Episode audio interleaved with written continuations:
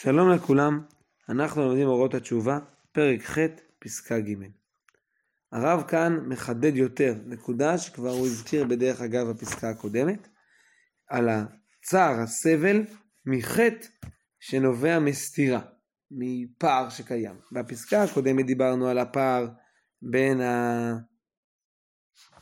מה שאדם חולם וחושב שנכון לעשות ובין המעשים שלו. וכאן הרב מדבר על פער קצת אחר. אומר הרב, כל חטא מדאיב את הלב, מעציב אותו, מפני שהוא סותר את האחדות שבין האישיות הפרטית עם כל ההוויה כולה. אה, הזכרנו בזמנו שהרב מדבר על תשובה כתהליך של חיבור לתשובה של כל המציאות כולה. וכאן הרב הולך לכיוון השני, שאני פועל נגד התורה, נגד ריבונו של עולם. בעצם אני פה סותר את האחדות. התחושה היא הרוחנית שכל המציאות כולה עושה את רצון השם. שמיים מספרים כבוד אלו ומעשה אדם מגיד רקיע. ויש איזה תכלית, מטרה למציאות. ואני, כשאני חוטא, אני סותר את האחדות הזאת.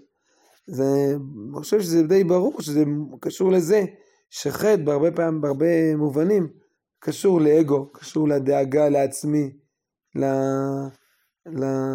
לתאוות שלי, זה הכבוד שלי.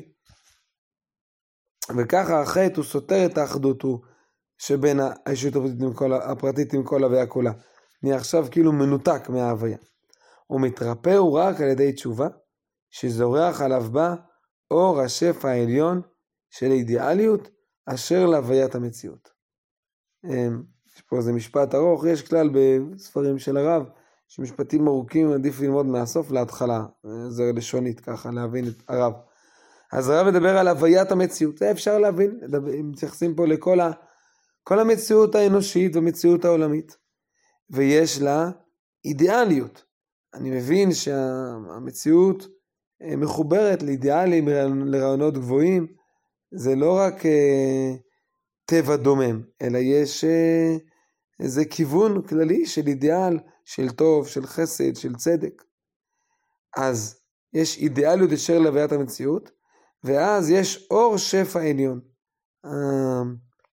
האדם מקבל מהאור השפע העליון של האידיאליות אשר להוויית המציאות.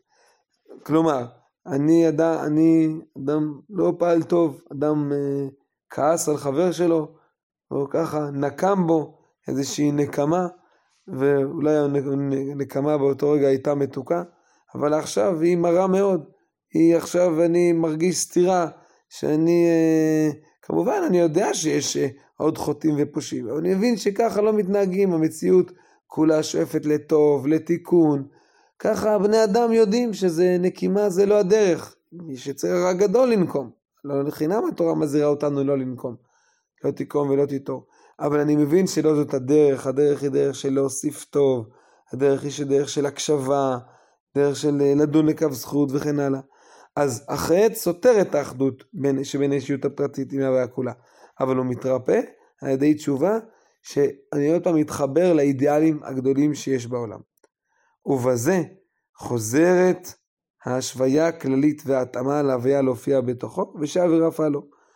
כשאדם חוזר בתשובה, הוא עכשיו שוב שווה, משתווה, כן? כלומר, הוא נהיה חלק מסודר ושווה יחד עם כל ההוויה כולה. אמנם, יסוד הצער איננו מעצם החטא בלבדו, כי מיסודו של החטא ומתוכן מהלך הנפש שנעשה הפוך מסדר הישות. הזורחת באור הישר האלוקי בכל המצוי המאורגן באחדות וכיוון מעולה. אה, נרחיב בעזרת השם הזה בפעם הבאה, רק נתחיל את הנקודה אחת, שצער, שהסבל לא רק נובע מחטא עצמו, זה לא שרק אני אומר, אדם אומר לעצמו, נקמתי בו, איזה אדם לא טוב אני, אה, איזה, איזה, איזה חטא, אה, איך, איך אני,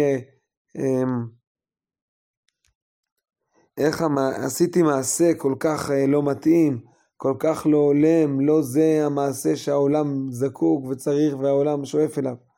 אבל אני יכול להגיד לעצמי עוד יותר, מלכתחילה, מאיפה הגיע לי החטא הזה? מאיפה הגיע לי התחושה של הרצון לנקום?